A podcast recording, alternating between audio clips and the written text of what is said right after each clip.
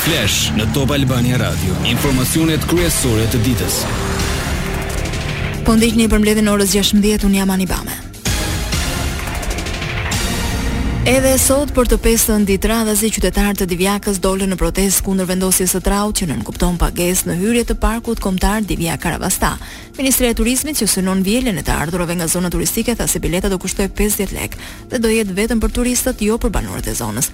por ata nuk binden dhe kërkojnë heqjen e traut, edhe sot nuk munguan tensionet dhe përplasjet me policinë. Hiqet ajo padrejtësi të, hiqet ai tra, sepse Divjaka nuk e meriton këtë padrejtësi. Trau nuk do të ekzistojë aty. Ne s'kemi lek të hamë bukë, jo për taks. Unë marr 80.000 lek pension, edhe këtë të paguaj. Vendim hajdutësh, e kanë marrë hajdutërit në dorë. Ai është tra elektronik, që ai nuk njeh as ty, as mu, ai thotë, po m'i hodhe, do ta hap rrugën, s'm'i hodhe, tashi ku ka dhe pensionistë.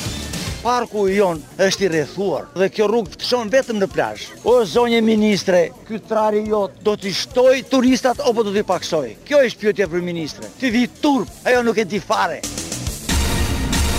Kryetari demokrat Berisha sot foli për koncesionet e rrugëve dhe zëvendëskryeministres Belinda Balluku iu referua si më e korruptuara. Balluku është një nga personat më të korruptuar në historinë e Shqipërisë.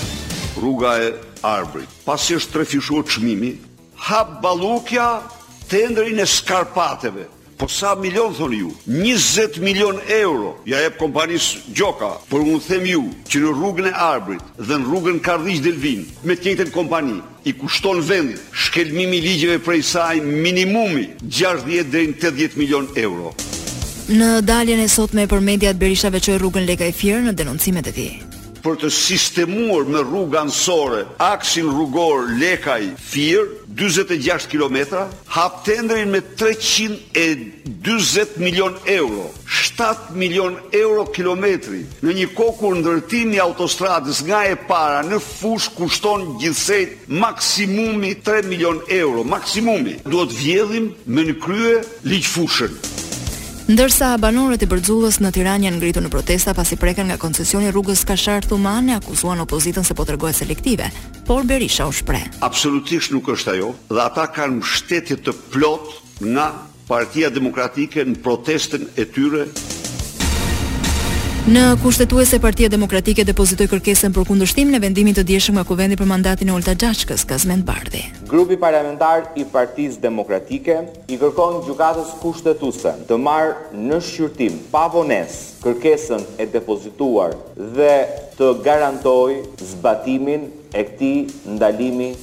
kushtetues, pavarësisht se bëhet fjalë për një ministër të rëndësishëm dhe një njeri shumë të afërt të kryeministrit Edi Rama. Deputeti Agron Shehaj tha se maxhoranca e shndërroi Kuvendin në mburojë për të korruptuarit e qeverisë. Çe, Xhaçka nuk mund të jetë njëkohësisht edhe ministre e jashtme edhe investitore strategjike. Nuk mund të jetë edhe deputete edhe pronare e plazhit publik. Ndaj, i takon Gjykatës Kushtetuese të marrë vendimin formal të asaj që ligji dhe Kushtetuta e diktojnë fare mirë. Në seancën plenare që përfundoi pas mesnate u paraqitën dy raportet e Këshillit për Rregulloren, Mandatet dhe Imunitetin me objekt konstatimin e pavlefshmërisë e mbarimit të mandatit të deputetes Olta Xhaçka, Raporti i demokratëve u rrëzua ndërsa i grupit socialist u miratua me shtatëdhjetë e tre vota pro, njëzet e një kundër dhe asnjë abstenim. Lihen në burg pesë të arrestuarit për inceneratorin e Fierit, Arben Dervishaj, Regan Merdani, Gentian Zifla, Robert Shabani dhe Enver Sheshi. Në kërkim janë gjashtë të tjerë. Të arrestuarit e fundit akuzohen për korrupsion aktiv dhe pasiv dhe shpërdorim detyre si dhe mashtrim me pasoja të rënda me skemat e TVSH-së. Lajme nga rajoni. Kryeministri Albin Kurti konfirmon se zëvendësi i tij Besnik Bislimi është në komunikim të vazhdueshëm me Brukselin zyrtar për të zgjidhur çështjen e targave. Sipas shefit të qeverisë së Prishtinës, ditët në vijim do shihet nëse negociatat e reja do kenë apo jo sukses. Deklaratat i bëri gjatë një vizite në Estoni në një konferencë për shtyp me homologen estoneze Kaja Kallas. Tensionet mes Kosovës dhe Serbisë janë rritur që kur në fillim të muajit kabineti Kurti nisi zbatimin e planit për riregjistrimin e makinave me targa të paligjshme serbe. Kryesisht këto automjete qarkullojnë në veri të Kosovës, ku serbët janë shumicë dhe Beogradi zyrtar ushtron ndikim. Teksa dha shifra, kryeministri Kurti nënvizoi se janë nëntë mijë makina me targa ilegale serbe, më pak se dhjetë për qind e atyre që disponojnë serbët në Kosovë. Sipas tij, vetëm një pakicë ekstreme e tyre po i refuzojnë këto targa. Albin Kurti dhe Aleksandar Vuçiç janë ftuar që së shpejti të shkojnë në Bruksel për të gjetur zgjidhje lidhur me targat ilegale serbe. Zëdhënësi i Bashkimit Evropian nuk dha ndonjë datë, por u shpreh se takimi duhet të zhvillohet shumë, shumë shpejt me me qëllim gjetjen e zgjidhjes evropiane.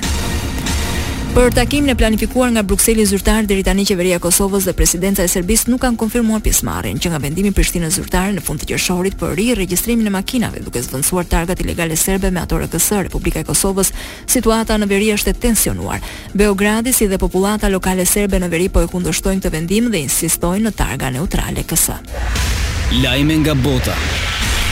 Forcat ukrainase zmbrapsën sulme të shumëfishta ruse në lindje, ndërsa Moska vazhdon të shënjestrojë infrastrukturën e energjisë. Trupat e Ukrainës luftuan kundër pushtuesve në tetë zona në rajonet lindore Donetsk dhe Luhansk. Presidenti Zelensky bëri të ditur se dhjetë milionë ukrainas kanë mbetur pa energji pikërisht për shkak të një vale të sulmeve ruse me raketa. Lideri i burgosur i opozitës ruse Alexei Navalny vendoset në izolim të përjetshëm duke i kufizuar kontaktet. Urdhri erdhi vetëm katër ditë para se familja të vinte ta takonte. Në mars të vitit të kaluar Navalny u burgos në lindje të Moskës pasi u kthye në Rusi nga Gjermania ku po rikuperohej nga një helmi. Katari do të zbatojë një ndalim të birrës alkoolike në stadiumet e Kupës së Botës dhe zonat përreth kur të presë turneun e rëndësishëm i cili nis pas dy ditësh. Si vend organizator, Katari bëri presion FIFA-s të ndalonte shitjen e birrës në tetë stadiumet e botërorit. Shitja e alkoolit kontrollohet rreptësisht në Katar, por do të jetë e disponueshme në zonat e tifozëve, si dhe brenda hoteleve. Këtu kemi përfunduar, mirudëgjofshim në edicionin e orës 17. Kjo është Top Albania Radio.